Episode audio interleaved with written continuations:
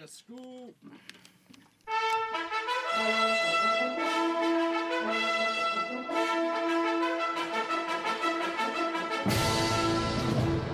Everybody be cool. You be cool. All right, you ready to have sex? We come in peace. We come in peace. You are the motherfucking Antichrist! We're gonna let you go, okay? Ok. Film er best på radio. Nova Noir.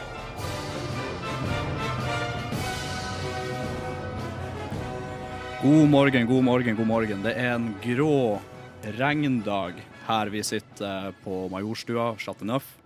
Litt forsinka i dag, det må vi bare beklage, men eh, hvis du hører det her som en podkast, så kommer det til å være et ikke-problem for deg uansett. Vi er jo selvfølgelig Nova Noir, filmprogrammet på Radio Nova. Til stede i studio er meg sjøl, Kim Sverre Hilton, og jeg har med meg Karin Grette. Ludvig Wiltil. Og på The Ones and Twos har vi uh, Ragnhild Bjørlykke. My bad. Uh, ja, hva skal jeg si? Som sagt, det er en grå dag i dag. Det er Halloween er jo over. Høstens seriefavoritter de har tatt pause for denne gangen, så jeg føler liksom at nå er nå har liksom filmverdenen og serieverdenen har liksom stilna litt, og nå kan vi begynne liksom å vende blikket litt, litt utover igjen, og litt frem og litt tilbake, som vi så alltid gjør. Vi har jo en temasending i dag. Jeg skal komme tilbake til seinere hva det vil si og hva jeg skal snakke om, men først og fremst så skal vi snakke om hva vi har sett siden sist. Sett siden sist. Sett siden sist. Sett siden sist. Sett siden sist. Sett siden sist.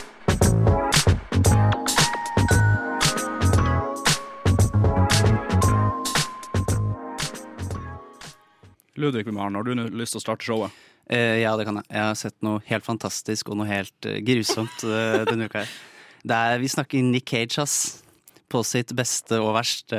Oi, oi, oi. Ja, men i de siste sånn fem, eller kanskje ti årene, så tror jeg bare han har spilt på det ryktet. Det er crazy gå bananas-helvete han driver med. Han lagde jo en hel film om det, basically, som kom ut. Ja, det var basic, basically. Det kulminerte i det. Mm. Men dette er en film fra 19 eller 18 eller noe som heter Mom and Dad. Som, eh, som handler Det handler om eh, en verden hvor plutselig, uforklarlig, en eller annen dag så får alle foreldre en sånn kjempelyst til å drepe barna sine. Og det er, det er flott i filmen. og bare tenk deg at det Cage uh, rampager på sine egne barn. Bare springer rundt og bare dreper kids, yeah. liksom. Fuck them Nei, sine egne Foreldre vil ikke bare drepe unger, de, ba, de, går, egne, de går liksom. bare til sine Å, egne. Ah. I starten av filmen så er det moren til en av de random kids som liksom prøver å bryte seg inn i skolen, og, og folk tror hun er sånn bipolar og så fordi Myrde kiden. Ja. det er så sykt. Ja, men det er bare det er, så, det er så mye, for det er liksom så grusomt og så dritbra. Og det er en scene der hvor de barna klarer å seg inn, og så kommer, kommer Nick. Godeste Nick og bare Hey, motherfuckers! I'm coming, motherfuckers! Og sier det sånn. Så helt sånn insane Nick. Cage, liksom. Sånn Abedi Community. Og så, og så får han ikke opp døra, så begynner han å grine over hvor lei seg han ikke er for å få drept barna. Så Det er så Å, fy. Det høres ut som en syk Ja, men de som har skrevet noe Jeg tror alle som har blitt Alle som har vært med på noe av dette her, er syke. tror jeg. Men, Hey, så, men liksom som en som, som aldri har Som ikke har fått med seg noe av Nick Cage siden storhetstida hans med typ Face Off og National Treasure og alt det der, så trodde jeg kanskje at han hadde jeg vet ikke om han har modna, men kanskje filmvalget hans hadde modna litt. Men det kan du avkrefte ganske sterkt. Ja, kan jeg også, men jeg bare avslutter med å si at eh, den filmen her var liksom helt fantastisk, men samtidig så skulle jeg ønske at foreldrene mine drepte meg mens jeg så på den. skjønner du? Ble, ble litt skuffa når mamma Ludvig ikke kom inn døra med kjøkkenkniven. Hva hat når det skjer, altså. Ah, fy faen. Karin, hva har du sett? Eh, Jeg så faktisk ferdig en serie. Sykt. Jeg, eh, Wow. som dere vet, kan ikke se på serier. for Jeg klarer ikke å fullføre dem. Eh, men nå har jeg faktisk sett ferdig en serie sammen med Daniel, som er med i redaksjonen. Eh, og vi så på The Bear, eh, som er på Disney Pluss. Det er en serie om en kjempekjent kokk som mister broren sin til selvmord, og arver hans helt i rønna restaurant i Chicago. Den er bare skikkelig dårlig økonomisk stilt, eh, det er dårlig hygiene på kjøkkenet, de som jobber der er liksom ikke så fornøyd med å jobbe der. Og så er ja, er det da en, eh, en fetter i gåstegn, som da er bestekompisen til broren hans, som bare ikke vil akseptere at nå kommer det forandring. Og så kommer da Carmen, som han heter, inn da i denne restauranten og har jobbet på Noma, har liksom vunnet masse priser i ung alder, er liksom en skikkelig skikkelig anerkjent kokk. Og blir bare ripped apart av dette stedet. Og så handler hele serien om hvordan han da skal få denne restauranten på beina igjen. For det er jo en sånn sandwich-sjappe i Chicago. Og han er sånn 'maten suger, det her er dritt, vi må skjerpe oss', og ingen vil samarbeide med han. Men det her er liksom real life, eller? Nei, nei, nei. Det er okay. f- eh, fiksjon. Det er det. Eh, men det kunne like gjerne vært reality. Det er jo liksom noe ja. som kunne ha skjedd i virkeligheten. Eh, men han, det er så mye som er imot han hele tiden. Og han er så mye økonomisk gjeld, for han har arvet gjelden hans. Eh, hele restauranten jo bare, får jo en sånn C-merking i hygiene som er skikkelig dårlig. Det er, sånn, sånn oransje, svær C i dårlig hygiene. Og det er bare ingenting som går hans vei, liksom. Eh, og så er det bare åtte episoder om hvordan han klarer å få denne restauranten på beina. Jeg synes bare den Tanken på den kokkebransjen, spesielt den der Oppesen-kokkebransjen, gir meg nesten hjerteinfarkt. ass. Ja, for det er liksom De som jobber der, er sånn 'Å, ikke kom her og si meg hva jeg skal gjøre'. Og så er liksom han, Er han ikke sjefen, da? dritkjent sjefen og har jobbet på Noma. For dere som ikke vet, det er verdens mest kjente restaurant. Og du, du, får, du kommer deg ikke inn, liksom. Det er nesten umulig å komme inn. Den er i Danmark. Eh, og han jobbet der. Og de er sånn 'Du vet ikke hva du snakker om. Du er en skikkelig drittkokk'. Jeg, jeg, føler, jeg, vet om, jeg vet liksom ikke om det er representativt for virkeligheten. Jeg har jo jobba på kjøkken som, liksom, i mine yngre dager. Men jeg føler alle serier og filmer som handler om restaurantbransjen, er sånn Enten er det her det verste stedet å jobbe, sånn er du er superundertrykt, eller så er du den som undertrykker, liksom. Det er Ja. noe sånn det er aldri noe sånn glad og sunt eh, arbeidsmiljø på de restaurantene, liksom. Nei, men det jeg liker med den, er at det er veldig mange bra shots av liksom matlaging. Den er så sykt pen å se på. Og så har liksom alle karakterene mange flere sider enn bare én. Det er ikke bare sånn at enten undertrykker du, eller så blir du undertrykt. Det er liksom sånn, Du har kanskje et problem hjemme som gjør at du da blir sånn, og så blir du bedre utover i serien. Og så har du liksom, Det er ikke bare endimensjonelle karakterer. Det er liksom sånn Å ja, Carmen har en drittdag i dag fordi i går så skjedde dette og dette og dette. Men så klarer han å si unnskyld og bli venner igjen og fordi dette og dette og dette. Liksom. Det er ikke bare Den er veldig godt skrevet, egentlig. er Jeg, jeg blir veldig si. fort solgt på matporno, jeg, ass. Da bør Det- du se The Bear. Og spesielt hvis det er animert mat. Av en eller annen grunn. Jeg har ikke sett mat i anime. Ani Ja, Anime-mat. Så ser det sånn heftig digg ut, liksom.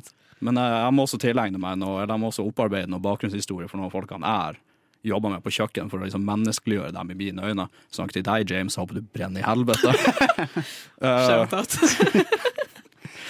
jeg har ikke sett på noe som har med mat å gjøre. Om noe så jeg har sett noe som tar litt fra deg uh, matlysta. Um, jeg har jo jeg har ikke sett på så mye i det siste, så jeg har liksom sett ferdig de her seriefavorittene denne høsten. Så jeg har sett ferdig House of the Dragon. Uh, og bare for å koble det til det jeg sa om Mr. Matlysta. Veldig, veldig, veldig mange blodige fødselsscener i den. For en mann som ikke er vant til fødsler i det hele tatt. Uh, så jeg har sett den ferdig, og så har jeg sett ferdig Rings of Power. Og ja, den var cool. Jeg likte House of Dragon best. Rings of Power var helt OK. Jeg tror det kan bli bra. Jeg føler det er konsensusen. Jeg føler også det. Jeg spurte, jeg har ikke, Det her er sikkert veldig sykt, ikke halshugg meg. Jeg har ikke sett 'Ringenes herre'. Eh, det Nå ser Kim eh, om det. Stillhet. Uh, og jeg spurte skal jeg se Rings of Power i tillegg, og de var sånn jeg har et tips til deg. Bare se 'Ringenes herre' og ikke se Rings of Power. Så jeg sånn, nei, ok, greit. Veldig bra tips. Og se Extended Edition av Ringenes herre også. vet. Har du sett Hobbiten? Ja, alle tre, faktisk. Du har sett dem? Men jeg har ikke sett noen Jeg prøvde meg på den der eh, store kinodagen-maratonet som Odeon har, der de sender alle tre Ringenes herre-filmene etter hverandre på natta. Oh. Men da begynner det klokka tolv, Ja. og så kan du se dem klokka, til klokka ni om morgenen. Og jeg hadde på det tidspunktet jobbet jeg i kafé, og da hadde jeg stått opp fem den dagen for å dra på jobb. Og så skulle jeg da eh, ambisiøst nok døgne. Det gikk Men du er. A-menneske til tusen, altså. Ja, jeg er jo ikke det. Jeg, altså, det funka bare. Jeg er jo egentlig B-menneske, men så ble jeg tvunget til å være A-menneske, og så bare funka det skikkelig dårlig, så sovna jeg under den andre filmen. Så det gikk veldig dårlig. Altså, jeg er jo, Ringnes er jo sikkert favorittrilogien min of all time, og jeg, jeg ville ikke stått på kino og sett alle tre back to back to back. Altså. Jeg tror ikke det. Du må ta litt pause, gå på do, chille litt. Leve livet, rett og slett. Uh, vi skal i hvert fall ta og se litt mer tilbake i tid når vi skal snakke om noen, eh, et lite knippe med filmnyheter som har kommet i det siste, etter musikk.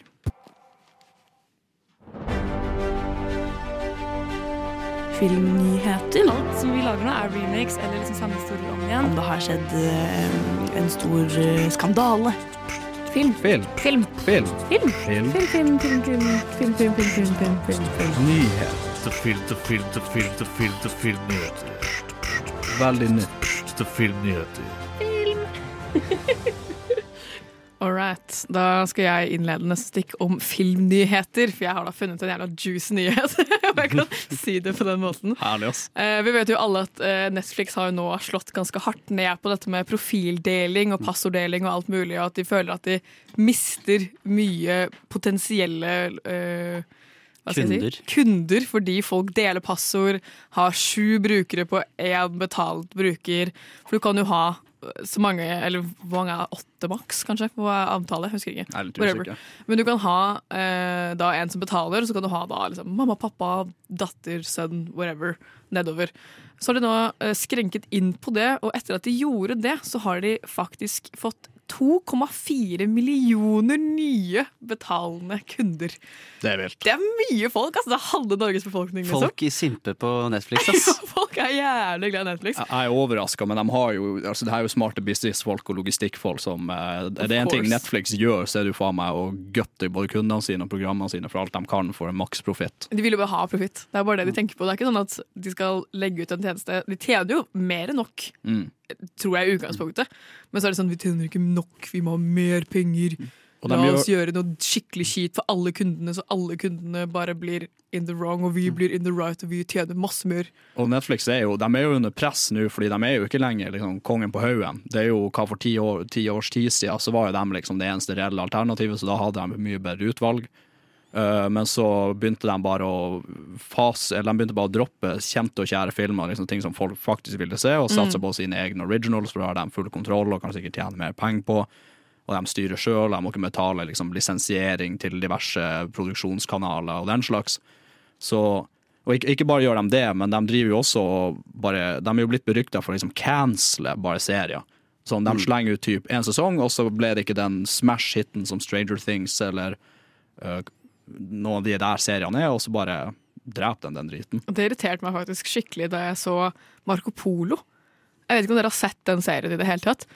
Eh, den er by the way skikkelig kul. Eh, du lærer så mye. Den er, altså Skuespillet er litt sånn så som så, men den ble jo cancela etter sesong to, og så slutta hele dritten på en cliffhanger. Og så kommer det ikke noe mer. Men, men jeg vet ikke Og det irriterte meg så mye. Men har Netflix er det noen, Hvor mange av seriene er faktisk avslutta? Som ikke er sånn én eller to sesonger?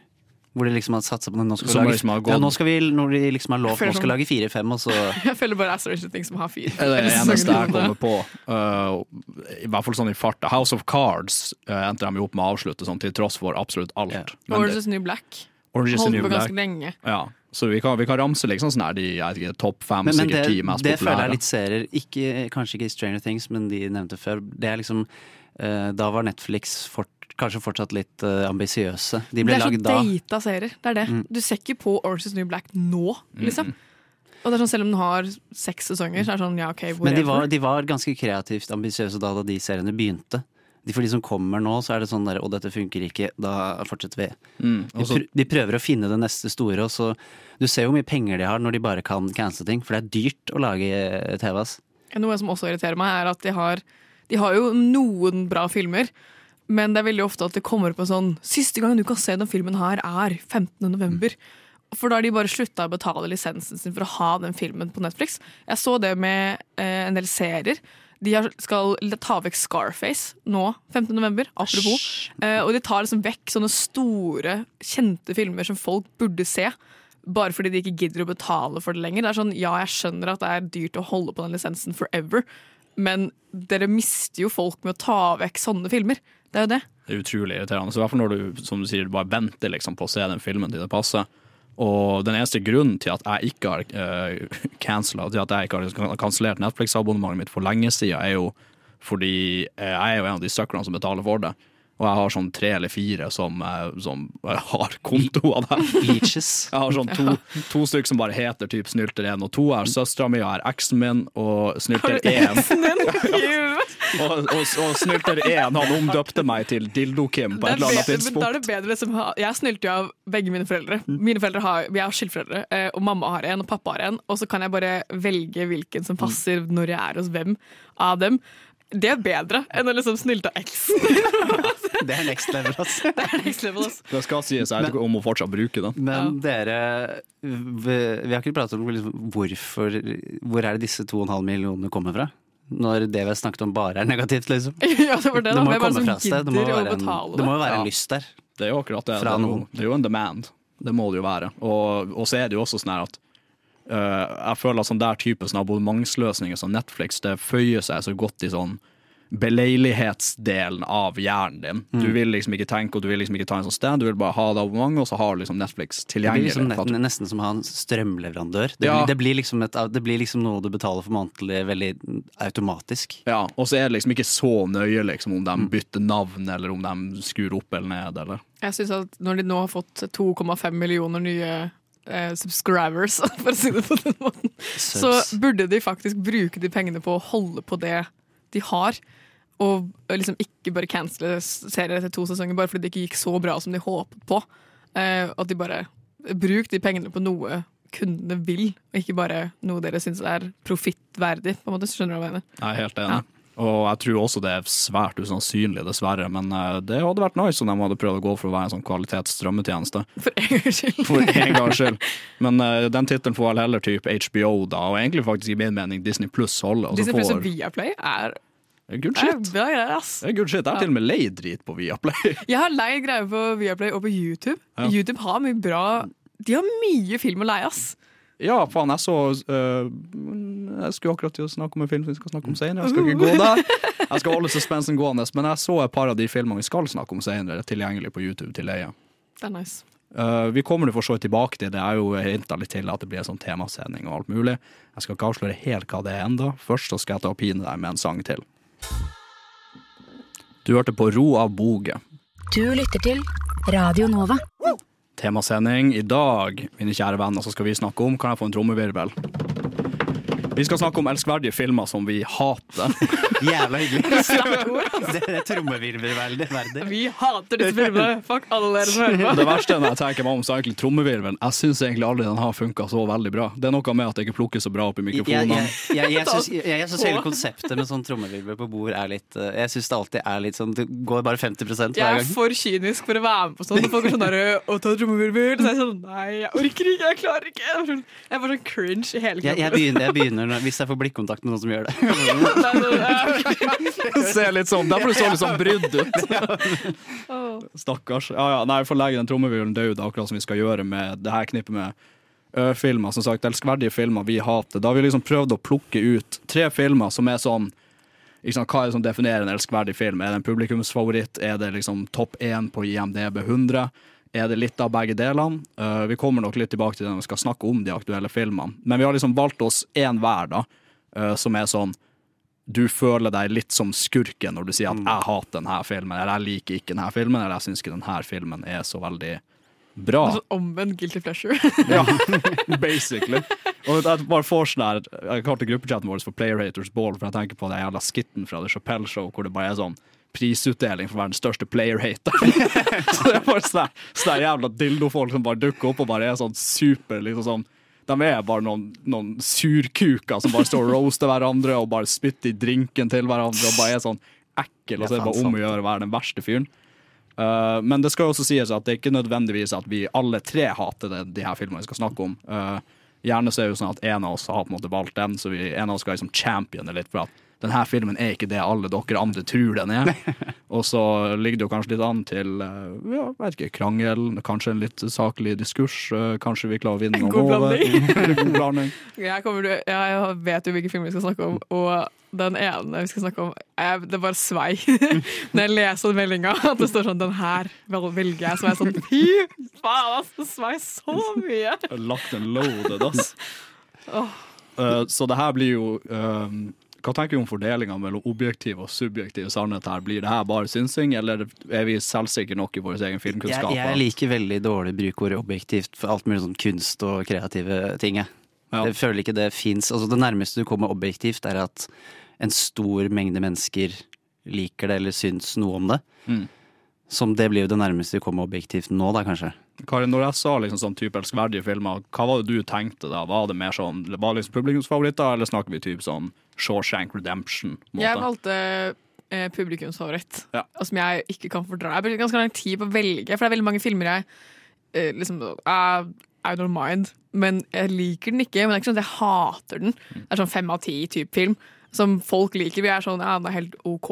Um, men den jeg valgte nå uh, Jeg valgte den mest fordi jeg skal bare pisse opp alle som er sånn filmbros. Så er sånn, du vet ikke hva den egentlig handler om! det var sånn- en sånn type film jeg valgte. Så det er jo en, en publikumsfavoritt, ja. Ja. Eh, men ja, det er jo veldig vanskelig å si at det er objektiv sannhet eller subjektiv sannhet, eller hva det skal være. Uh, sånn som Ludvig sa, det er jo Alt er jo subjektivt når det kommer til kunst.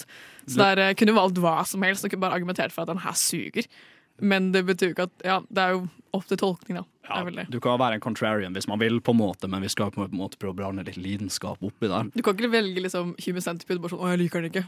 Ingen andre liker den heller. Liksom. Det er jo bare Du, kan, du kunne ha valgt den, men den er jo ikke likt av noen. du er ganske sjuk, er Det er i huet hvis du liker henne. Ja, Jeg vet om en dude på videregående som var sånn Hvis det er noen som liksom dreper kattunger på fritida si, så var det han. Han var sånn filmstudent. Og han bare sto hard noe på at A Serbian Film Det var liksom favorittfilmen hans. Det var den beste filmen noensinne. Og det er sånn jeg- bare vet. Men var det, var det, var det, var det. Edgelord, eller var det Ja, Crazy det, Guy? er- som- det er bare sånn post-survival, liksom. Sånn ja. Ja. Dressjakke Det sånn som du sa, sånn oh. Du forstår den bare ikke, liksom. Ludvig, jeg har lyst til å beskrive valget ditt litt, og hva, hvorfor det her liksom er en elskverdig film. Den er definitivt på begge sider er både en publikumsfavoritt og en critically acclaimed film. Jeg bruker det begrepet altfor mye, for jeg finner ikke noe ordentlig sånn bra norsk oversettelse for det. Kritikerost. Kritikerost er vel fint. Eh, men eh, nei, den er Det er jo liksom en Oscar-yndling. eh, Den handler om noe som er relevant igjen, vil jeg si. Eh, og som egentlig bare har alt veldig, veldig relevant. Så jeg tror den, den holder seg, tror jeg, i tiden. Eh, jeg tror hvorfor er eh, Nei, jeg vet ikke. Jeg tror jeg bare syns det, er det er veldig kjedelig. Vi, vi kommer tilbake til Ja, det. det er veldig, veldig Fordi det er litt vanskelig å prate om det nå mens vi fortsatt er i no spoiler-modus. Men hvis dere skulle valge, velge andre filmer enn de dere valgte, hva hadde dere valgt da? For det er jo, man har jo sikkert alternativer. Og ja, sikkert. Mm, og den er vanskelig, egentlig. Jeg, gikk, jeg, jeg var veldig laserfokusert på min film, så jeg har egentlig ikke tenkt så mye rundt. Uh, men det hadde jo vært uh, Jeg kan bare si sånn kjapt Jeg valgte jo typen som blockbuster, da. En pengeinntjener. Uh, så det hadde kanskje vært artig å gå i liksom motsatt enden av spekteret i, i anførselstegn og tatt en sånn Litt sånn som Karin valgte en sånn Filmbro uh, topp ti i MDB, ikke sant? Enn du, da? Jeg kommer faktisk på hva jeg kunne valgt nå i stad. eh, for sånn fem minutter siden. Eh, og da går jeg på sånn blockbuster, eh, sånn som du har gjort. Eh, jeg tenkte på her Oh, I'm so sorry. Alle i redaksjonen. eh, Everything Everywhere All at Once. Altså, og alle er liksom, vilt. oh, det er sånn, kødder du med meg? Jeg så den, og jeg bare syntes den var så fjollete. Jeg ble så sur. For det er sånn, jeg skjønner jo at liksom, folk syns den er kul og liksom, emosjonell og trist, men i det mest emosjonelle øyeblikket så drar de en sånn pølsefingerjoke, og jeg bare syns ikke det var noe morsomt i det Gang på gang på gang på gang også. Hele tiden. Ah, og det er bare var sånne dårlige Følte du deg snurt? jeg, jeg var litt sånn åh, kødder du? Åh, det her er teit. Jeg, jeg følte meg som en sånn voksen person som ser sausage party, liksom. Det, bare, det var ikke noe for meg. Eh, og actionsekvensene var kule, ja. Kostymene var fete, de, liksom. Men jeg vil ikke se den igjen. Bare Det, det, er, her. det er fullt mulig at du er kanskje en, eh, Du er den yngste av oss tre, men kanskje, mest, kanskje den mest voksne. Hvem vet? Jeg tror sånn hele redaksjonen sånn har på Letterbox har gitt den, bort fra Karen, har gitt den sånn fire eller fem stjerner. Liksom, all across the board, liksom. Ludvig, hadde du uh, valgt noe annet hvis du skulle gjort det? Jeg, jeg så jo mange, men da går det mer bare på sjanger. At jeg syns sjangeren er litt uh, kjedelig. For jeg veldig, aldri vært sånn sci-fi-mann. Mm. Og da kan jeg liksom dra frem Star Wars eller noe sånt, men Star Wars men, men, men, men Star, Wars er liksom, Star Wars er gøy å se på, på en måte. Sammen med andre. Og så er det cheap å ta en hel sjanger, for da, da kan vi heller prate om sjanger. Da Ja. kan vi heller ha en sånn type tema som vi gjør nå, bare ta hele sjangeren istedenfor. Og Star Wars er også sånn, det er jo litt en meme på det her punktet, men det er ingen som hater Star Wars så mye som Star Wars-fans. måte. Ikke engang, Star Wars er ikke universet det er universelt de mest, elska av det er de mest selvhatende menneskene noensinne, ass. Typ. Uh, Nå føler jeg vi har, vi har liksom edga de her filmene ganske mye. Liksom. Så nei, vi, har faen, vi har bare sittet og tisa og tisa, og tisa, så jeg tenker vi Shit, la oss bare si Men hva det er vi skal snakke om. det, si. Nå kommer det. Nå kommer Uh, min, uh, jeg snakka jo, jeg hinta litt til at det er en sånn stor uh, blockbuster-film. Og det er vel, jeg lurer på om det ikke er den andre eller den tredje mest inntjenende filmen noensinne etter Jeg tror den har gått til førsteplass igjen nå fordi den ble re-released på kino. den mest inntjenende filmen noensinne. Og det er jo selvfølgelig James Cameron sin Avatar. Det er så sykt! Jeg kan ikke tro det. Karin, hva har du valgt? Uh, jeg har som sagt valgt en uh, veldig acclaimed filmbro-film. Uh, veldig mye eldre enn deres filmer. Jeg har valgt Citizen Kane. Ah, shit. Shit. Det er mange, det er mange turtlenecks og uh, bucket hats på løkka. når, når det kommer i hate på den og everything everywhere. jeg, jeg, jeg tror du trenger vakter når du drar hit herfra. Ludvig. Eh, jeg har uh, om eh, Facebook-grunnlegger Mark Zuckerberg, The Social eh, Network. Det liker jeg egentlig veldig godt. Men ja, den er jo veldig tidsriktig, det er den. Ja, men Som sagt, den har blitt det litt igjen. Kanskje, Ja, ikke, kanskje ikke, ikke på Zuckerberg sin side, men eh, Den metagreia ja. kødder med nå. Å, fy faen, metaverse. Jesus. Oh lord. Ja, fuck det. Bare, bare så det er Ja, fra alle. Ja, fuck det fra alle. Men det er nå det er verken uh, Bare se på Ready Player One, så er du good, liksom. Ja, du trenger er- ikke å være med. det. Den fremtida der, den skjer ikke i det hele tatt. Nei, fy faen. Uh, vi skal i hvert fall hive oss rundt med det her, men først og fremst så trenger vi en liten sangpause. Og når vi kommer tilbake, så skal vi snakke om den første filmen, som er Citizen Kane. Du hørte på Second Thoughts av Figtape.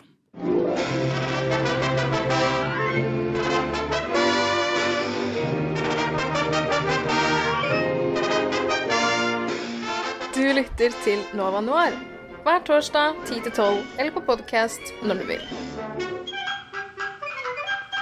Første film, Citizen Kane, altså. Karin, take it away. Yes, sir. Uh, Citizen Kane kom jo ut i 1941.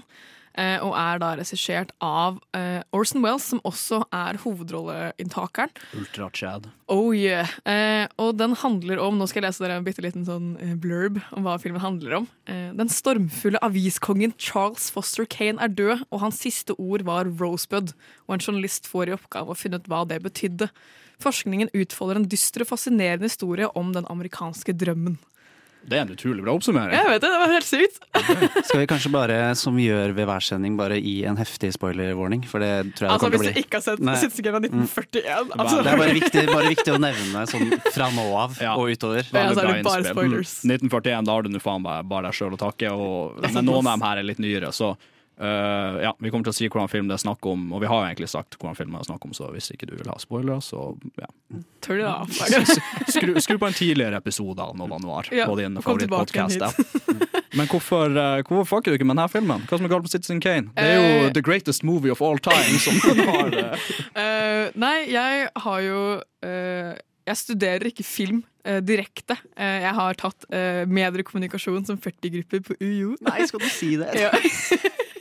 og da jeg hadde mitt aller første filmfag i fjor høst, eh, som er det innføringsfaget som alle har tatt i film, eh, audiovisual aesthetics, eh, så var den første filmen jeg så, var Citizen Kane. Og jeg var sånn Å, kult! Endelig skal jeg få se Citizen Kane. Den har jeg hørt masse om. Og så så jeg den, og så er jeg sånn Å, fy faen! Og så, og så var den Citizen Lame, eller? Ja! 100 det var Citizen Lame, altså. Var det freestyle? Jeg bare spør. Eller. Nei, så Nei, jeg vet ikke. Jeg bare Jeg så den, og så skulle vi da liksom ha et full Fullt seminar i to timer om hvorfor den filmen her var så jævlig bra, og hvorfor det var så mye sånn mellom linjene-greier. Og jeg var helt sånn Fuck han jævla Charles Foster Kane. Fuck den jævla sleden med Rosebud på. Fuck de derre uh, jævla flashback-scenene, og fuck han Orson Welles, egentlig. Jeg var litt sånn Altså, Jeg skjønner at folk liker den, og jeg skjønner at det er som en viktig film, for den er jo teknisk på den tiden helt fantastisk. Det er jo masse longshots, masse bra liksom, kameravinkling, det er stor dybde i kamera, eh, og det er veldig bra bruk av liksom, historiefortelling som ikke var vanlig på det tidspunktet. Jeg skjønner jo innovativt. ja, jeg skjønner det, men jeg syns det var veldig forvirrende med alle de flashbackene, for jeg skjønte ikke helt hvor jeg var, og hva som skjedde, og du må liksom pushe det sammen. Og jeg er veldig glad i liksom, når regissører ser på meg som en smart seer, på en måte. Sånn at jeg, at jeg liksom klarer å finne det ut selv. Men her ble det nesten litt sånn derre For mye av det gode. Du, du, må, du må se på sminken til han, men det kan bli, det kan bli for subtilt noen ganger. Men den er bare sånn den er jo bare ti ganger verre enn liksom Marlon Brando i Gudfaren. Liksom. Sånn, han ser bare ut som Marlon Brando i Gudfaren på syre. Ja, fordi Orson Welles var vel i midten av 20-årene sine da denne filmen Ja, han ble var laget, 25. så skal han liksom spille, spille Charles Foster Kane i alle livets stadier. Men du sa, slutten, men du Ja. sa også liksom fuck Kane, så det er liksom Karakteren, Karakteren er taler liksom ikke Fa- fa- Nei, men Man skal jo heller ikke like han. Altså, han er jo en skikkelig douchebag altså, som bare jeg, med, utnytter jeg er helt folk. med på fuck han. Ja, Han bare utnytter folk, og jeg skjønner at det er sånn den eh, amerikanske drømmen og whatever. Eh, men eh, jeg vil også si at eh, Citizen Kane er Donald Trumps favorittfilm, og det taler i min sak. Det tror jeg ikke litt på. Han har sagt det i det nye! Da, altså, nei, nei, jeg, jeg, tror, jeg tror på at han har sagt det. Jeg tror Men ikke på tror- at han vet hva Citizen Kane er. Eller hva det handler om? For det er jo en kritikk til hans type Ja, menneske. det det. Det. det har, da har han ikke skjønt en dritt. av. Altså, jeg, jeg, jeg kunne vedda en testikkel på at han har aldri i livet gitt å sette seg ned og se på en, en svart-hvitt-film som varer i to og en halv time. Jeg tror ikke han kan stave Citizen Kane. Tror ikke egentlig. Så det, det er. Det så det tror jeg er bullshit. Jeg tror noen som har nevnt det foran, og så har skrevet det med store bokstaver, og så har han bestemt seg for at ja, den her, Den her tar vi. Uh, jeg, jeg liker jo egentlig denne filmen veldig veldig godt. Jeg synes, ja, ja, Charles Foster Kane han er jo en, en dick, og han, han er jo liksom en, eh, en utilnærmelig person, men det, jeg føler det er litt poenget med filmen. Det er litt det som den prøver å vise, at han er en sånn fyr som er utadvendt sjarmerende, så han er som en sånn drittsekk som bare vil at eh, verden skal elske han. ikke sant? Han er redd, dytter masse av formuen sin i en sånn her quote unquote filantropisk anvis, eller hva man skal kalle det. Ja, han, han krysser av på veldig mange eh, psykopatiske trekk. Ja, men, men gjennom hele filmen så som, han som gjør alt for å tjene penger, liksom. for han har liksom sånn her vegg, da. Du blir liksom aldri helt kjent med han, du skjønner deg aldri helt på han, og det kommer jo litt tilbake til Det har jo sikkert mange tolkninger, men det kommer jo litt tilbake til Rosebuds-spørsmålet. ikke sant? Det blir jo avslørt på slutten at det er navnet på rattkjelken hans, eller sånn kjelken hans fra da han var kid. snøkjelke, liksom. Etter at han basically bare ble liksom faen solgt bort av familien sin til å bare leve livet som en rich kid, eller uansett. Uh, så han er jo selvfølgelig ikke en likbar karakter, men jeg syns han er en utrolig interessant karakter, sånn sett. Det Problemet mitt med den er jo ikke nødvendigvis liksom, eh, Charles Foster Kane som karakter. Det er vel mer det at folk legger så mye betydning i absolutt alt. Ja. Vi satt jo i seminaret mitt på skolen og så liksom én scene. Og så skulle vi gå liksom så i dybden at jeg nesten fikk liksom vondt i hodet. Sånn, fordi han flytter seg en millimeter dit, så er det betydning at da finner Charles Foster Kane en åpning til sin framtid. Jeg blir helt sånn Slutt å tull! Jeg- jeg- jeg har det her er bare kødd! Jeg har definitivt fått noen filmer ødelagt av meg i sånne fag på Blindern. ass, Når, når du går litt inn i materien. Litt liksom- for mye. Det skal liksom være sånn Det er de minste tingene, og fordi dette er en- longshot, og de klipper ingenting her, så betyr det at bla, bla, bla, og fordi de zoomer ned trappa i denne vinkelen, så betyr det bla, bla, bla. Jeg blir helt sånn Den er ikke så Det er ikke så mye mellom linjene i Citizen Kane. Det her er liksom en sånn type film som for meg føler Jeg føler at den faller under sitt eget rykte. Fordi det er en bra film, for all del. Uh, en veldig bra film, vil jeg også si. Men når den liksom er liksom titulert, eller folk kaller den the greatest movie of all time, og liksom alle filmbros bare sånn svermer rundt den, ikke sant. Og det, det er liksom ingen filmer som kan leve opp til det. Ja, for noe av det verste jeg vet er overhype, og jeg ender opp med å liksom litt på trass ikke like det så mye, for jeg lar meg litt smitte av andre. Og da blir jeg smitta av uh, hypen, og så ser jeg den, og så kan du ikke leve opp til hva folk sier. Eh, og det gjelder eh, ikke bare film, men det gjelder musikk. Det gjelder alt. Det er jo det samme med alle andre topp 100 IMDb-film.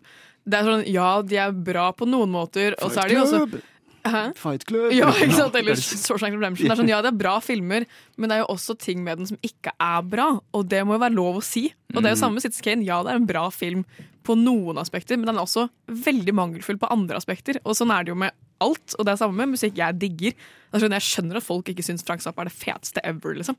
Men det betyr jo ikke at jeg ikke liker det. Sånn, det er jo, ja, Skjønner du hva jeg mener? Jeg hva du Det er jo bare Grunnen til at den er veldig viktig, uansett om man liker den eller ikke, er at den har lagt grunnlag for sånn dramafilmoppsetting, eh, hvordan, det, hvordan du lager det, eh, til nesten Du kan trekke det nesten til hvordan vi gjør det nå, sånn eh, oppsett på film. For hvis du ser noen sånn enda eldre svart-hvitt-filmer, så kan du se at ting er litt off i forhold til hvordan vi liker ting. Sånn Charlie Chaplin som går Pacingen er litt merkelig, og Jeg har sett andre svart-hvitt-filmer, og den her er jo enestående. For det er, Sånn for det er liksom, du trenger ikke like den, men eh, man må liksom verdsette Sånn i ettertid så kan vi sette pris på det. Liksom, eh, 100%. man setter liksom pris på han som fant opp mobiltelefonen, men du, gidder, du vil ikke ha den der svære greia på ryggen, ikke sant? Springer rundt med den antenna på stjerna på 80-tallet. Jeg tror det havner- går litt til bakgrunnen av hvordan filmen ble lagd, og hvem den ble lagd av. For den her ble jo lagd av Orson Wells og eh, liksom teatergruppa hans. Som jeg vet ikke, jeg husker ikke helt hvorfor, men jeg mente bare plutselig opp med å liksom få støttere til å lage denne, denne filmen. Eh, og han gjør hovedrolla, han har skrevet den og han har regissert den og alt det der, så Uh, hvis jeg skal liksom prøve å være en sånn filmbro, da, så ser man litt på kameraføring at den, er, den henter mye inspirasjon fra teater. da. Eh, måten det zoomes ut på, måten folk plasserer seg på settet for å liksom fremheve ting som at de blir dwarfa i en sosial sammenheng, eller det omvendte, da. Men det der med teatergruppa hans, at det var de som lagde den Det er jævla filmbro-stemning at han gjør basically alt Ja! sammen med teatergruppa. Original Filmbros lagde det. Original Filmbro-film. Film, for filmbros av filmbros. Ja, nei. Jeg bare Altså, jeg setter pris på mye oh, med Jesus, den, jeg og ikke. jeg visste ikke mye annet ved den. Mm. Jeg står fortsatt på at jeg ikke er så veldig glad i den. Men som Ludvig sa, du må jo fortsatt se hva den har gjort for filmhistorien. Og det ser jeg. jeg sånn, ja, det er sånn, jeg føler at jeg har en øh, Jeg skjønner, men jeg bare gidder ikke. Vi skal ta, vi skal ta hoppe en god del uh, tid uh, fremover, uh, når vi kommer tilbake til en film som egentlig jeg også mener hadde en del å si for filmhistorie, men kanskje ikke på den beste måten, da, etter musikk. Det var 'Chicory' av Juni Habel. Du lytter til Nova Når. Og da er vi over til neste film på The Chopping Block. Den er det egentlig jeg som har valgt. Vi hopper fra 1941 med Citizen Kane helt frem til 2009 med James Cameron sin Avatar. Ah, shit. Og Dette liker ikke dette Nei, liker ikke. fy faen, ass. Altså, jeg kan si litt først og først og fremst om hva den handler om. Det er ikke så veldig mye å si hvis du så lenge du har sett Pocahontas, egentlig. Hei, hei, hei. Det her er jo- det her er jo- Det her er jo sånn straight up. Kan du ikke Sånn, bare gi recap av Pocahontas isteden? altså, det her er en grei sammen, sammensetning av sånn alle kolonisthistorier noensinne. Bare at de har slengt på masse effekter, og de har gjort historien dårligere. De forteller en historie som har blitt liksom fortalt hundre ganger før, men de bare gjør det verre, og så prøver de å kompensere med liksom altfor mye penger og altfor mye spesialeffekter. Uh, og jeg syns Altså sånn, De skrøt så jævlig. Det går litt på hype der også. For jeg husker før filmen kom ut, sånn når det gikk opp til sånn 2009, så var det sånn Å, det her det er sånn next level teknisk. Og jeg har lyst til å lage denne filmen. Jeg har lyst til å lage den helt siden fra 90-tallet, men liksom teknologien var ikke der for å få visjonen min frem til lerretet. Og så kommer den på, liksom, på, og så kommer den på liksom, lerretet, og så ser det ut som jeg vet ikke, bare sånn CGI clusterfuck. Den er liksom gudfaren til alle sånne overeksponerte, altfor overdrevne CGI-filmer som Marvel bare har drept ut de siste par årene. Den ser liksom hakket verre ut, og jeg syns jeg syns ikke den jeg synes, jeg syns eh, For alle dennes eh, teknologiske bragder og eh, liksom innovasjon, så syns ikke jeg at den gjorde noe særlig bra. Jeg syns ikke den brakte noe bra til bordet. First of all, uh, what the fuck? Hva i helvete, Kim? Uh, jeg syns den er teknisk kjempeimponerende, og uh, om, jeg, om jeg kan forut for sin tid jeg er jo litt biased, for jeg har sett Avatar Hold dere fast, alle som lytter, 30 ganger. Så Har du telt? Jeg har telt. Uh, det Og ble, det er, er det jubileum nå? Uh, jeg så den for 30. gang på kino når den kom på kino nå ja, i september. Det skal også sies at jeg har sikkert også sett Avatar 30 ganger, bare at jeg har sett selve filmen Avatar 30 ganger, hvis det gir noe mening. Hæ? Storyline. Det har blitt gjenfortalt. Oh, ja. oh my god. Uh, jeg synes også Sammenlignet med Pocahontas er det sånn tynn, fordi det fins 100 000 kolonifilmer, ja, åpenbart, eh, men det er ingen som er så eh, teknisk imponerende. Sånn, jeg synes ikke det ser Det ser jo åpenbart fake ut, for det er sci-fi, men det ser mye mer believable ut enn veldig mye annet.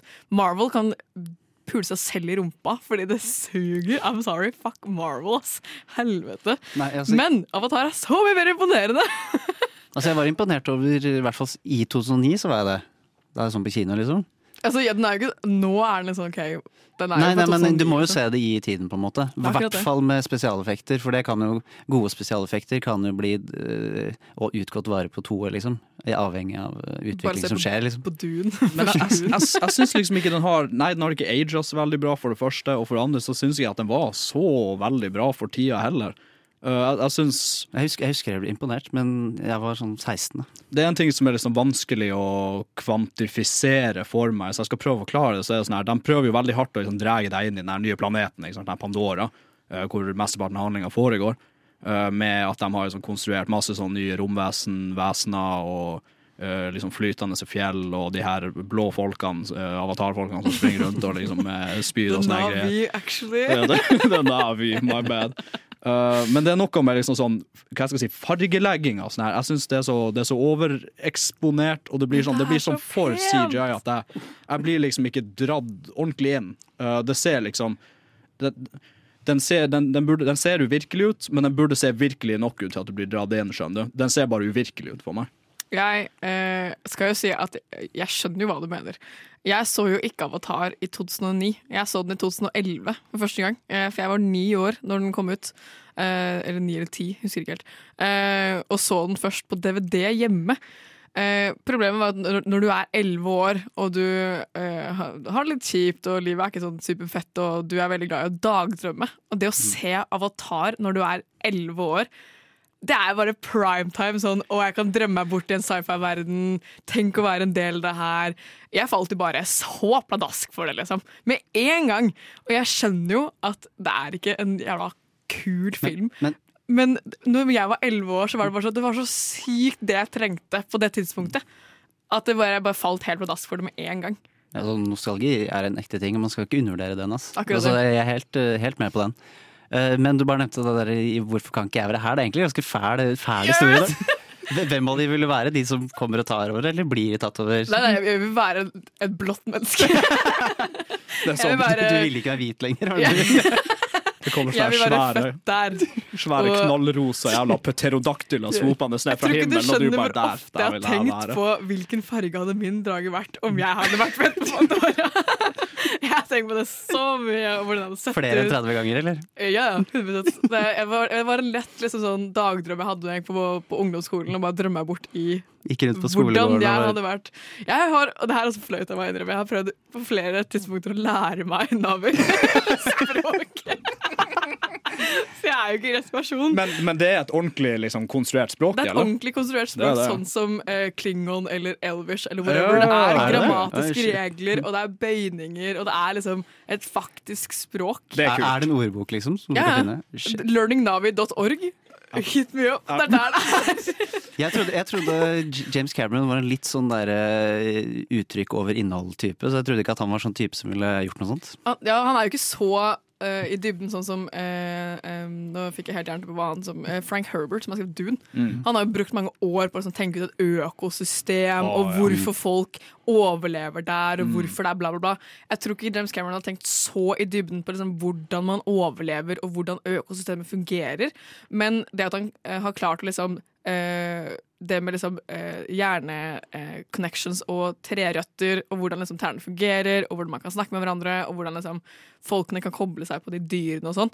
Eh, Sånn, eh, jeg skjønner jo Han har jo brukt mye tid på å tenke på det. Jeg syns ikke det er ulogisk, men det er jo en sci-fi-film, så det er jo ikke det mest logiske. Men det er jo Altså, du må jo ta sci-fi med en klype salt. Det er jo ikke sånn Det er samme med Dune. Sånn, den der space travel-greiene og det krydderet, og du får blå øyne. Det er sånn, du må jo ta det med en klype salt, det òg, men det er fortsatt troverdig.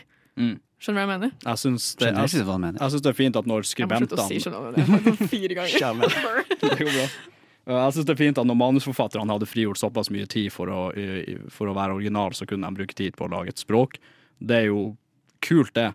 Uh, men jeg skal si en, si en annen ting som jeg faktisk syns er bra om denne filmen, og det er at Sam Worthington er i den. Han Den- er så flink! Dog, den duden var overalt på det tidspunktet, og så bare forsvant Ja, han. 2009 var hans år. Altså, han var vi tre filmer samme året. Var det så sånn bare- her Clash of the Titans ja, og og, sånn og? Terminator. Ja, den Terminator-remaken, ja. Ja. Sammen med Christian ja, ja. Bale. Ja, Sam, Sam Worthington Han killa det Jeg i syns den også runnen der. Altså. uh, Zoe Sande, eh, Hva heter hun? Zoe Saldana. Saldana. Hun spiller også dritbra som Ja. Neytiri. Word. Hun ser jo ikke ut som Neytiri engang, men de bare, hun spiller jo dritbra, liksom. Mm. Det er jo imponerende skuespill. Nå kommer det jo også Avatar 2, uh, the, the, the Way of Water mye. Har dere sett hvor bra det vannet har blitt laget? Jeg, jeg så traileren, og effektene så mye bedre Det så ut. så veldig bra ut, men filmen så drit ut. Altså, altså, jeg tror storyen er like dårlig som Avatar 1, Ja. men det at de har klart å lage vann så realistisk uten at noe av det er ekte, er jo helt sinnssykt. Mm. Og det er også sånn, igjen det med dyreliv og flora. Det er jo et helt sånn marint dyreliv som man har laget fra bunnen av, som også er believable. Liksom. Jeg synes det at de har de der store hvalene og de eh, flyvedragefiskene, typ. Jeg tror på det. Jeg tror på det. Det, det høres ut som noe som kunne vært på Pandora, og jeg er sånn 100 Han klarte å animere vann til å se ut som noe du hadde lyst til å drikke, og det er alltid en Riktig. vinner i min bok. Liksom. Når, du ser, når du ser på vann For på vann kan ofte se ut som gelé. Har dere sånn dataanimert vann? Ja, Det, det, det, Sånn det ser bare ut som en svær, en stor glassmanet. Sånn Ja, ekkel, ja. ekkel Eller bare en tåkesky som du bare svømmer i. Når du ser på det vannet liksom, og du biter deg litt i leppa, bare så er det her noe crisp shit. Liksom. Ja, Sånn. da, da er det hatten, hatten av til meg for animatørene. For ja, i hvert fall trailerne til Avatar 2 er ikke så mye for Avatar. Én, så vi er, jeg tror vi kan bare agree to disagree.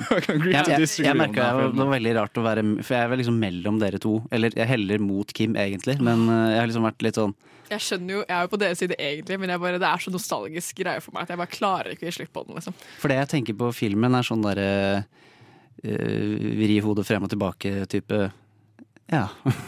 Det, det er en film som tror- eksisterer. Men musikken by the way, siste jeg må si, James Horner. Ja, eh, jeg skulle til å spørre, Det er James Horner, ikke sant? Rip James Horner. For en fantastisk soundtrack. Soundtracken syns jeg gjør en bedre jobb i å dra deg inn i verden enn selve verden gjør. Ja. Egentlig. Så den, den, den er jeg helt enig i. Den er Musikk er viktig, folkens. Jeg tenker vi runder av der egentlig med Avatar, Uh, og så skal vi ta og spille av Everyone's Falling in Love av Joa Elise, før vi går over til The Social Network. Det var Everything's Falling in Love av Ida Elise.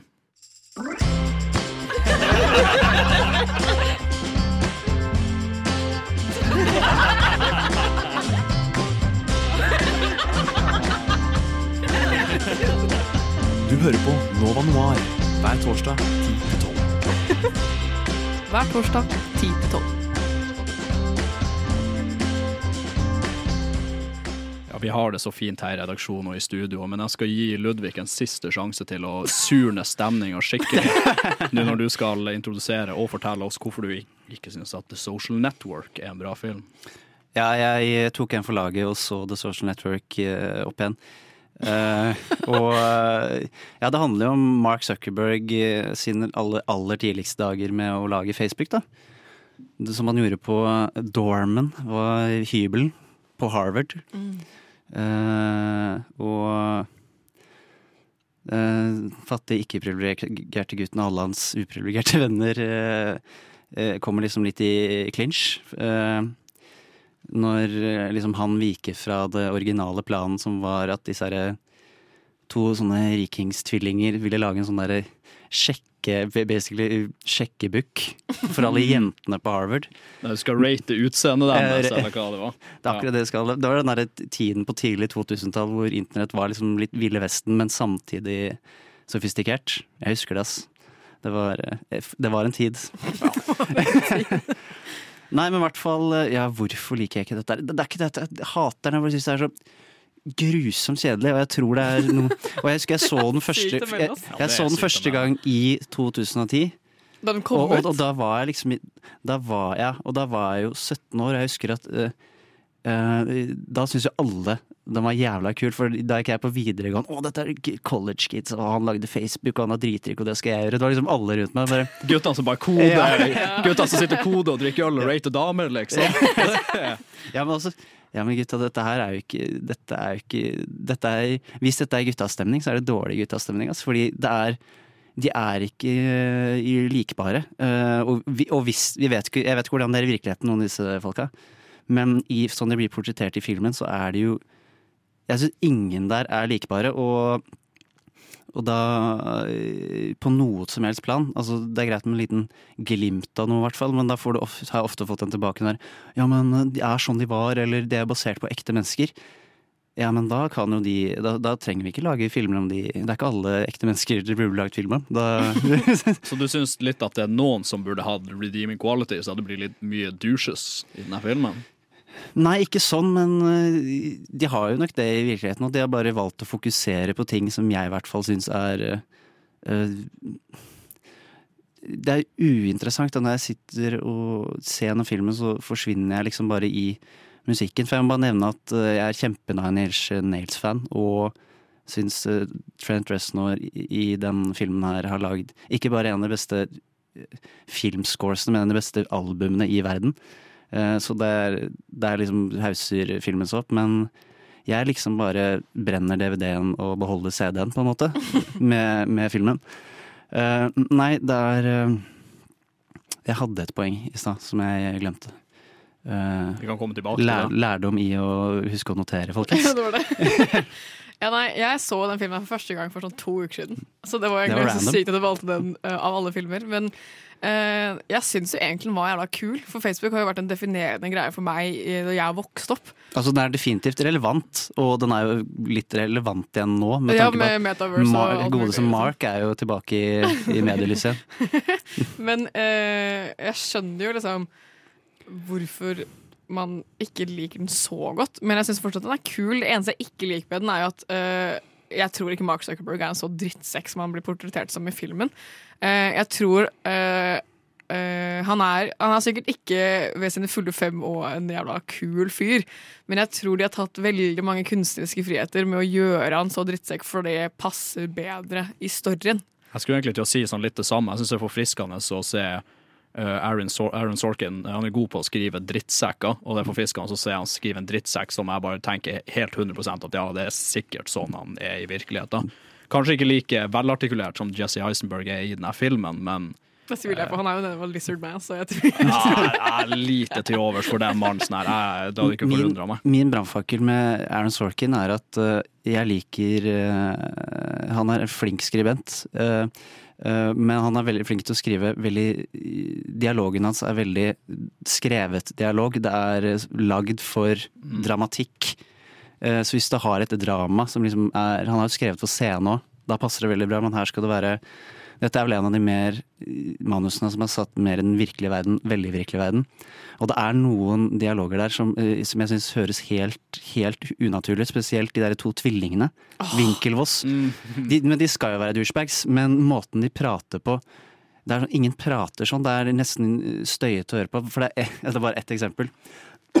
Unnskyld meg. Um, var han en av dem, hvor de skal prate om å eh, banke driten ut av Mark, ikke sant? Så bare sånn uh, Hva er det han sier? Og så bare, han, er, han er en liten fyr, og så bare sånn Jeg er 1,95 og 100 kilo, og så bare hvem, okay. hvem snakker så? er hva, hva, liksom. hva er poenget ditt? Og derfor det er jo uh... Altså, poenget er så sterkt, så klart, men du, du, du, altså, og, og det er nesten en monolog. Han snakker liksom ikke til Han skal bare påpeke at jeg er Jeg sterk. er sterkere enn Mark Zuckerberg. Jeg, jeg, er sterk, jeg er sterk, og jeg skal formidle det gjennom å bruke tallene på kroppen min. Der. Bros. Ja, derfor det er jo uh, Army Hammer som spiller et enegga tvillingpar. Eh, og du merker så sykt at han har hatt split screen i hele filmen. At han er sånn Ja, jeg hater Mark Zuckerberg. Mm, Det- ja, det- det- jeg det- også. Og så er det bare han som snakker til seg Det seg så jeg ikke sist gang, men nå så jeg at uh, han klarer ikke De har ikke helt klart å synke Nei. i blikkene deres. Det er For det, det, litt det, det, de er liksom De er enegga, liksom. De er, de er som de har fått barn med hverandre og født hverandre. Ja, men det gjør de virkelig. Og- og, åpenbart De er, ikke faen meg like virkelig Ja, det Ja, altså, men, like, men også sånn bare måten de oppfører seg på. Sånn her, det er jo egentlig bare eh, bror én og bror to, på en måte. Det er akkurat samme karakteren. Ja, jeg syns jo egentlig Jeg, synes, eh, jeg er litt enig i det at liksom, dialogen, i hvert fall når det her skal være en film fra virkeligheten, så er dialogen liksom dramatisert, og de er litt vel kjappe i kjeften. Og, og, det, liksom og det er helt lov å gjøre, fordi å ha ultrarealistisk dialog på film går ikke. Nei, Det er faktisk en film av han Noah Baumbach som faktisk eh, illustrerer hvorfor 100% realistisk eh, dialog ikke funker på film. nei. Hvor de bare sitter og prater oppå hverandre, sånn som gjør i virkeligheten. Sånn. Kjempestressende film å se på. Mm. Men, eh, men den kunne vært litt mer jordnær. Ja. Så, eh, sånn som det, det fins bedre måter å illustrere at du er eh, sterkere, fysisk sterkere enn han på enn å komme med enn, å, enn, enn, enn å komme med 200 fa pounds. fakta om kraftsesongen din, liksom. Jeg syns den kunne vært det, men jeg syns ikke den bør vært det. Fordi det her er jo, hvis du liksom går til essensen av det, så er jo det her snakk om dudes på Harvard som lager en, en, en, en nettside, liksom en sosial medieplattform. Sånn her. Du må, eh, du, du må, jeg føler du må krydre litt på, både dialogmessig og konfliktmessig, for at det her skal være en spesielt interessant historie for at du skal gidde å se på det i to timer. Og det sier jeg liksom som en IT-mann som er litt over gjennomsnittlig interessert i det. Så jeg syns det funker Det er jo en IT-movie, så. en IT-movie. Så jeg syns den er Jeg, jeg syns den er dritbra, den filmen. Jeg syns den Eh, den tar seg litt friheter selvfølgelig når det kommer dialog, og liksom, kanskje hvor douche absolutt alle i denne filmen er. Det er jo liksom ingen som er likende, bortsett fra eh, Andrew Garfield sin Jeg karakter. jeg syns skikkelig synd på han. Ja, Jeg har satt liksom gjennom hele filmen og var sånn fy faen, ass. I hvert fall den scenen når han blir liksom skrevet ut av Facebook.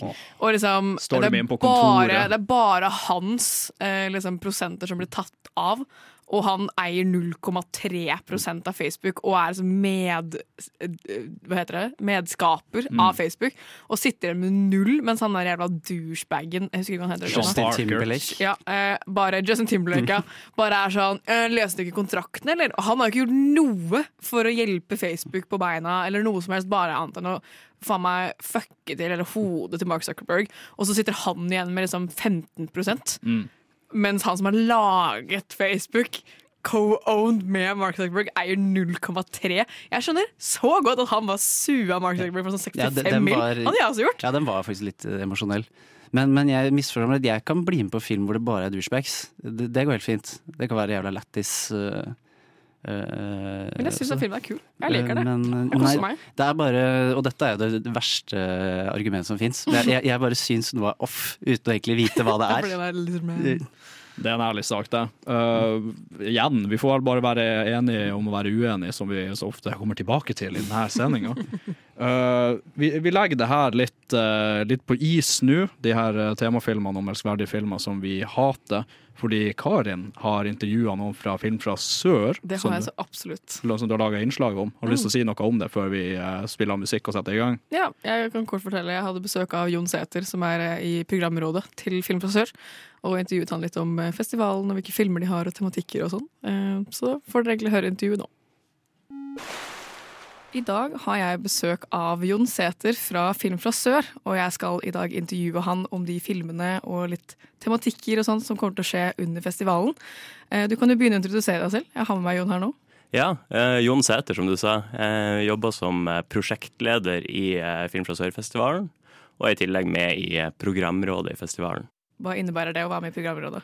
Nei, Det betyr rett og slett at man er så heldig å få være med og velge ut filmene som, eh, som skal komme på programmet. Se masse film i forkant og sitte og vurdere hva som er, er bra nok til å komme med. da. Hvordan er det dere vurderer de filmene som er med? Hva er det som er bra nok, og hva er ikke bra nok? Nei, Vi er en gjeng på fem stykk, eh, leda av eh, programsjefen i festivalen, da, som, eh, som følger med på hva som kommer fra eh, de verdensdelene eh, festivalen tar utgangspunkt i.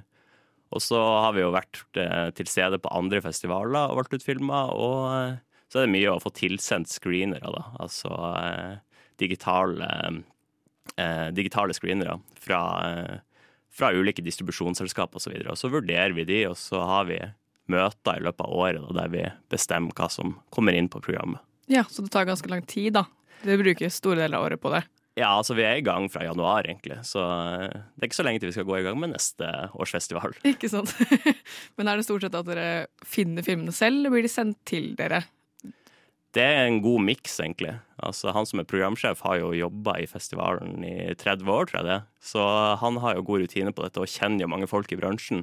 Mens jeg som er mer ny, da, er jo mer avhengig av at, det- at det kommer til meg, og at eh, samarbeidet med han fungerer godt. da. For dere tar jo utgangspunkt, utgangspunkt i filmer fra sør, og det vil da si de sørlige kontinentene, som Afrika, Asia og Sør-Amerika, eller er det noe mer Det er jo det er et litt vidt begrep, da, som, vi, eh, som er en fordel at det er såpass stort. da. Men i utgangspunktet er det jo filmer fra Latin-Amerika, Asia og Afrika som er på programmet. Hvem er det som står bak hele festivalen? Er det en organisasjon, eller er det selvstendig? Hva er situasjonen? Det er en stiftelse, og um, nå har det blitt sånn de senere årene at det er en uh, hovedorganisasjon som uh, står bak Film fra Sør-festivalen, og så er det Oslo Pix, som ble, uh, gikk av stabelen nå her i slutten av august. Og i tillegg så har arabiske filmdager som er på, eh, på våren. Hva er det publikum kan forvente av de filmene som kommer? Nei, altså, vi er en stor festival eh, med mange sendeflater over eh, helt fra 12. november til, eh, til 20. november, så det er jo egentlig et veldig stort mangfold. Så eh, alt fra ganske alvorlige dokumentarer om regnskogproblematikk til en film om YouTube-fenomenet Captain Alex fra Uganda. Så hele spekteret, vil jeg si, egentlig. Så spennende. Det er jo veldig gøy at dere gir plass til de filmene som ikke sendes på vanlig kino. da. Eh, Det er jo noen av de som kommer til å bli sendt på kino tror jeg, i ettertid, men de færreste ses jo av folk flest. Absolutt, og det er jo eh, sjarmen med å gå på festival, at man på en måte får eh, et mye større utvalg da, enn man ville ha fått på en vanlig dag på kino. da. Mm. I tillegg til de, de store filmene fra, fra de verdensdelene vi dekker. da. Ikke sant? Hvor er, det det, hvor er det man kan se filmene? Hvor er festivalen? I år er det på Vega scene. Um, Klingenberg har vi åpningsvisninga vår. Så er det på Ringen, og så ikke minst på, eh, på Vika. Ja, ikke sant. Så det er de store, kjente kinoene dere går for, da. Ja, det er jo for så vidt det. Og Vega har jo blitt, eh, blitt etablert som en av de de senere, senere årene. Mm. Ja, Vega har blitt veldig veldig populært og veldig stort, og så er det veldig sentralt. Det er lett å komme seg dit for både studenter og folk som er eldre og yngre og alt mulig. For dere har jo filmer både for unge voksne, men også for eldre og yngre. For dere har jo en barneseksjon med film også. Eh, Hvordan er det dere plukker fram de filmene? Nei, altså det er klart eh, Barnefilmene kan jo av og til være litt mer tricky eh, å finne, fordi det er lengre mellom de gode barnefilmene. Men eh, føler vi har fått et, eh, et godt program på den, eh, den sida i år også. Ja, I tillegg har vi jo en egen eh, Manga Police-seksjon da, med animefilmer. Det er jo veldig spennende, det er jo veldig aktuelt. Noe jeg syns er veldig bra at dere tar fram, eh, i tillegg til eh, eh, det koreanske dere har med. Det syns jeg er veldig, veldig spennende. Men har dere noe studenttilbud for de studentene som lytter?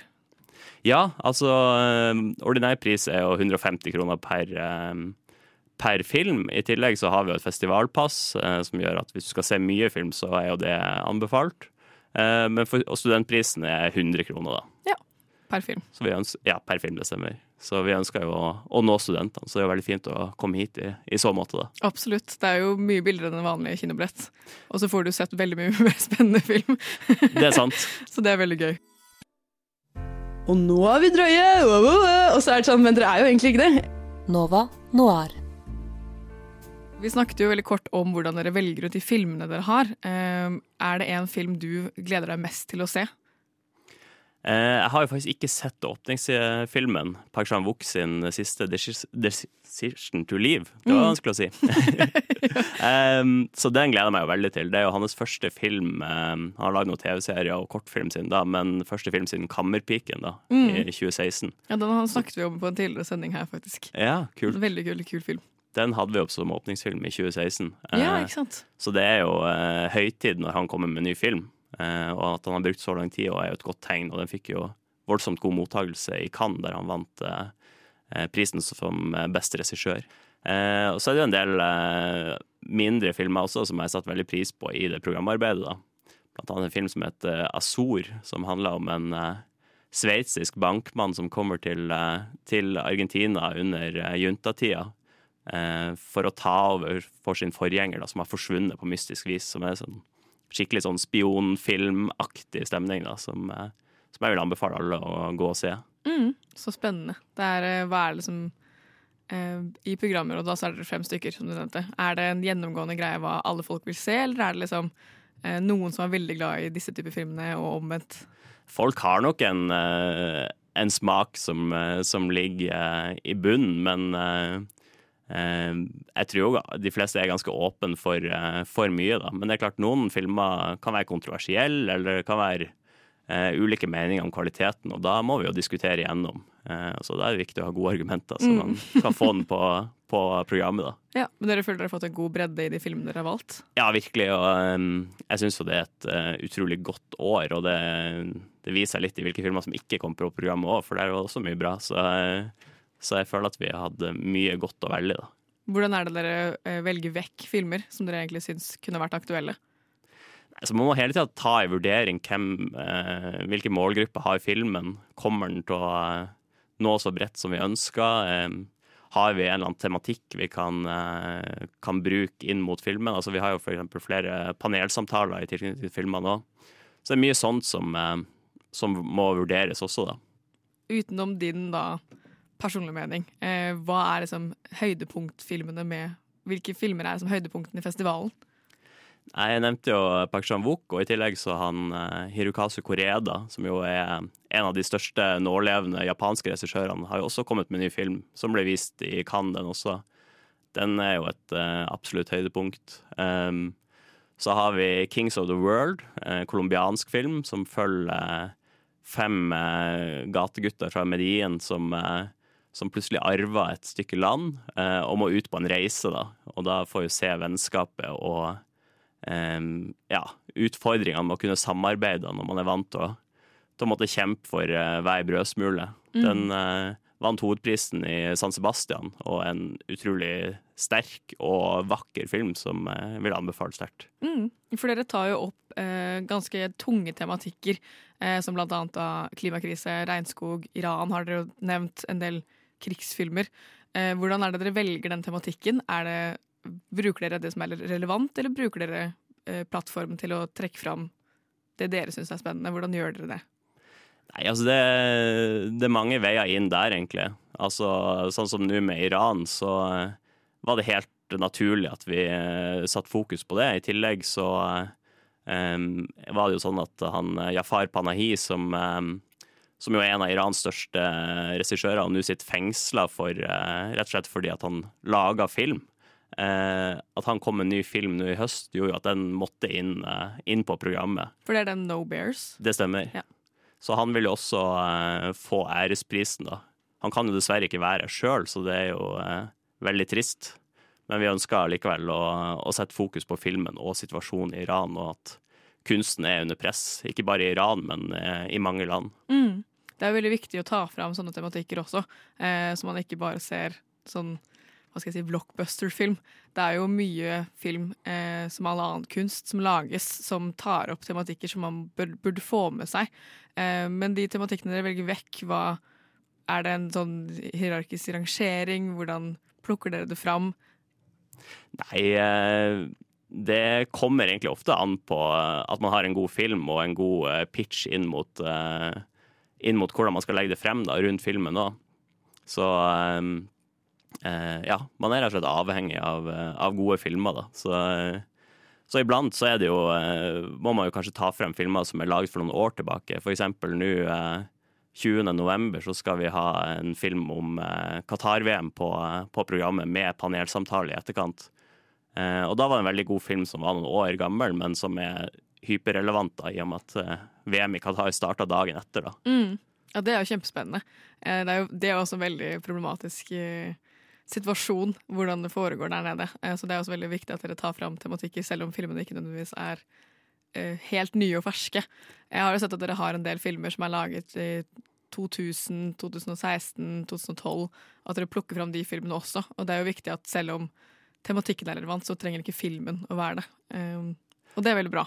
Ja, og iblant så ser vi jo også at uh, det her er kanskje filmer som, uh, som er aktuelle for et nytt publikum, som kanskje ikke gikk på kino eh, det året den var, ble vist. Så da, uh, da kan det absolutt være relevant å ha den med på programmet. Hvilken av de filmene som tar opp eh, litt tyngre tematikk, er du mest begeistret for at dere fikk med? Er det en spesifikk film som da kommer fram? Eh, vi har jo en som heter My Imaginary Country, eh, som um, er lagd av Patricio Guzman, som er jo kanskje Chiles største dokumentarfilmskaper. Um, og eh, den var, en utrolig god film, og uh, mange dokumentarer kan jo kanskje bare Altså at tematikken er det viktigste, men her er også det visuelle utrolig godt uh, laga. Um, og i og med at det har vært flere valg i, i søramerikanske land nå med litt ulikt utfall, og at eh, situasjonen er ganske pressa, så var det utrolig bra å ha en sånn så god film da, som kan på en måte eh, få frem den tematikken. Så har vi spikra et veldig godt panel eh, i forbindelse med, med den filmen òg, da. Tror du det er en film det norske publikum kommer til å like? Ja. Eh, han er nok mest kjent for det vi kaller cineast, altså film eh, Altså skikkelige filmelskere, da. Men jeg tror jo dette er en film som, som kan nå bredt, da. Så jeg er litt usikker på om den faktisk kommer på kino i etterkant. Det har jeg ikke sjekka opp. Ikke sant? Men det er, for dere har jo også panelsamtaler. Eh, Er det før filmene eller etter filmene? Nei, altså vi har jo en, um, altså en sånn um, egen seksjon som heter Det kritiske rom, uh, der vi tar opp uh, ulike tema, tematikker som er aktuelle. Eh, og da vil det være panelsamtale i etterkant av totalt fem filmer i år, da. Det er jo kjempespennende at man får litt eh, eh, hva skal jeg si, dypere syn på det også. Eh, og man får en, et panel da, med fagfolk eller relevante mennesker til dette, som snakker om det. Eh, og det er veldig, veldig bra. Ja, ofte når man ser en eh, viktig eller veldig god film, så har man jo på en måte lyst på mer av samme tematikk når man går ut av kinosalen, og det er ikke alltid man kan få det av vennene sine. Ja, jeg kjenner iallfall det jeg meg igjen i. Mm. Eh, så at man da kan ha fagfolk eh, som kan sette seg ned og snakke en 20 minutter om, eh, om temaet og gi dem mer innsikt, det er jo ofte en ekstra verdi da, til filmen. Absolutt. For det, du nevnte det med kritisk rom. Eh, hva slags type filmer er det dere har fram der? I år har vi egentlig eh, mye forskjellig. Det var den Imaginary Country som jeg nevnte, med, med tematikk eh, rundt eh, ja, altså folkelig opprør og valg og politikermistro i, i Latin-Amerika. Vi har en film som heter Taliban-land, som viser situasjonen da Taliban tok over i Afghanistan igjen i fjor sommer. Der eh, rett og slett en eh, dansk-afghansk eh, journalist reiste inn i Afghanistan da, mens vi andre satt og så på TV og fulgte situasjonen på flyplassen i Kabul. Så reiste han inn og møtte eh, Taliban på, på innsida. Og han kommer også eh, til festivalen i år, da, så eh, jeg vil jo anbefale sterkt å komme på, komme på panelsamtale i etterkant av den filmen. da. Absolutt. Eh, og så blir det også panelsamtale i etterkant av No Bears, altså Jafar Panahis eh, nyeste film.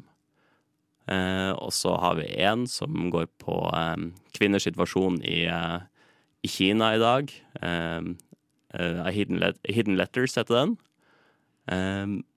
Og den siste er jo Workers Cup, altså som, som går på Qatar-problematikken. Så spennende. Men dere er jo også Oslos eldste filmfestival. Eh, Hvordan bruker dere det til eh, Eller hvordan farger det promotering, filmvalg, eh, plassering osv.? Jeg tror folk har hørt om oss eh, i stor grad. Altså Oslos befolkning er vant til at Film fra sør skjer på høsten. Eh, der er jo 32. utgaven. Så, eh, Ikke sant? Og vi har eh, utrolig mange festivalgjengere som kommer tilbake år etter år. Eh, men samtidig er det jo viktig å holde seg aktuell, eh, og i så måte så ønsker vi å nå, nå nye publikum også. Eh, så det er viktig å på en måte ikke bare please den gamle, gamle gjengen som har vært der hvert år, men samtidig gi det de ønsker seg også. Hvordan er det dere kommer fram til Hvordan gjør dere det? Hvordan promoterer dere festivalen til nye? I år har vi, det tror jeg er ganske nytt, vi har en uh, sosiale mediekampanje som, uh, som rulles ut i disse dager, um, i samarbeid med flere av de andre norske filmfestivalene. Der man rett og slett uh, fokuserer mer på, altså hvis du er i en type stemning da, så, så har vi et visst antall filmer, eksempel hvis du er litt uh, nedfor, så kan disse filmene kvikke deg opp. Hvis du er ute etter å lære mer, så har vi disse og disse filmene som kan gi deg noe, og så jeg er veldig spent på hvordan den, eh, den går, da. Nei, så bruker vi jo eh, sosiale kanaler. Vi eh, har plakater rundt i byen. Eh, så har vi et samarbeid med mange, eh, eller flere andre aktører i byen òg, som er relevant for måte, det samme publikum. Så eh, Det når fram til et ganske bredt publikum, da. ja, ikke sant? Mm, det er Så- veldig bra. Så i år har vi jo avslutningsfesten vår på eh, Kosmopolit, for eksempel, med konsert sammen med film. da. Så da på en måte Ja. forener man et eh, konsertpublikum og et kinopublikum. da. Da er det jo Hvor er det man får tak i eh, informasjon om film fra sør? Nei, vi har jo en nettside, eh, filmfrasør.no. Der er jo egentlig hele programmet, alt om gjester, praktisk informasjon osv. osv. Vi er jo på Facebook, på Instagram. Eh, jeg tror vi er på vei inn på TikTok snart. Det er viktig. Og så vil jeg jo tro at man, eh, hvis man følger med, ser oss i bybildet med plakater og bannere og så videre. Så eh, jeg tror synligheten skal være god. Mm, det tror jeg også absolutt. Så der, dersom dere lytter på nå og tenker at Film fra sør virker spennende, så er det bare å finne dem på Facebook, Instagram, TikTok, eh, nettsiden deres filmfrasør.no. Så er det jo også bare å kjøpe billetter og komme og se på. Da vil jeg gjerne takke for at du kom hit i dag, Jon Sæter, og takk for veldig hyggelig intervju. I like måte. Det er så mye av Skåva-sangen du hørte nå, og før det så hørte du Karin sin intervju med Film fra sør. Det stemmer. Eh, Det var et veldig hyggelig intervju. Eh, Hvis dere har lyst til å se eh, noe fra Film fra sør, så er festivalen som sagt eh, 12. til 20. november. Så det er ganske snart. Det er to uker til. Det er studentpris, 100 kroner billetten. Veldig lett. Det er film fra sør.no. Veldig lett å finne informasjon. Ja, det var egentlig det jeg har å si.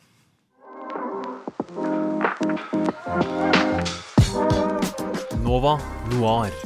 Film på radio. Hver torsdag 10 til 12, eller i din podkast-app når som helst.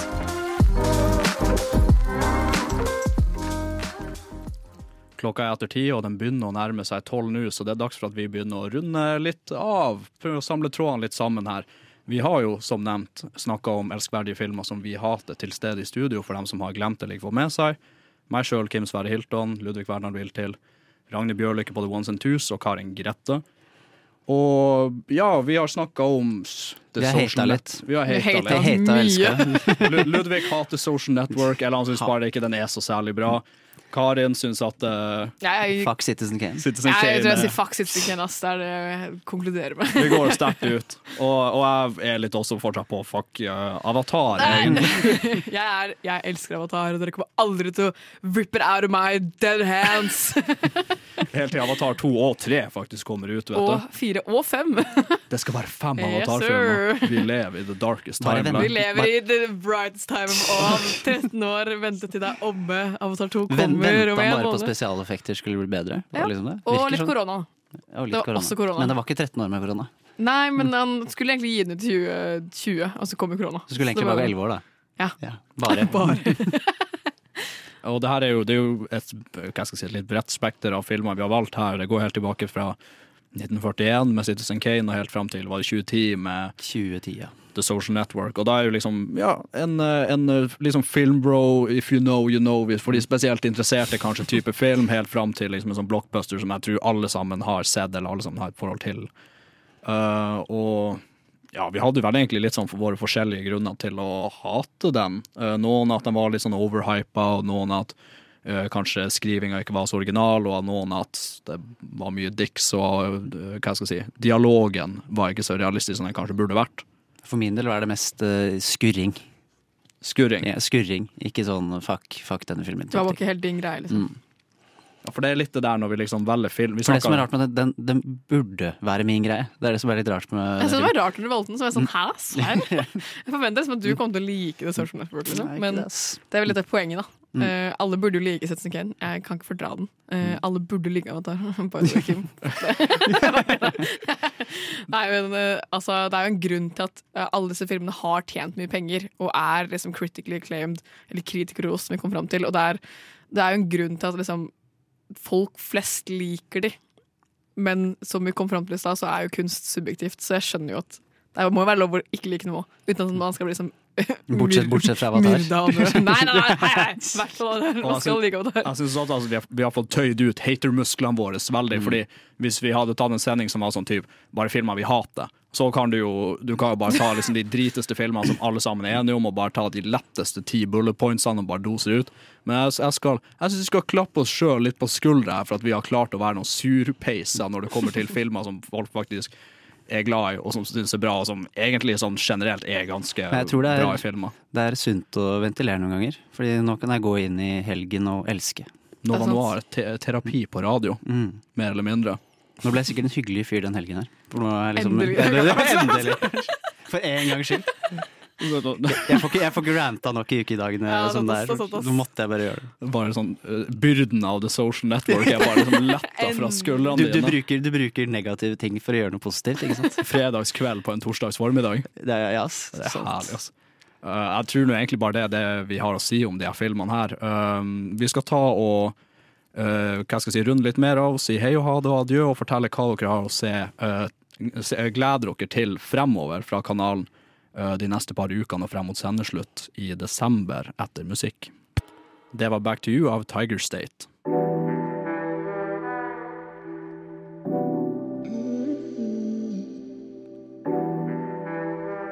Nova. Nova. Nova Nova. Har du fucka med noen filmer i det siste? Har du fucka med noen filmer i det sist?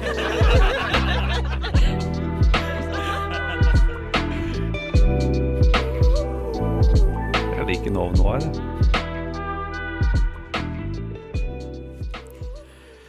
Det stemmer det. Noe noir.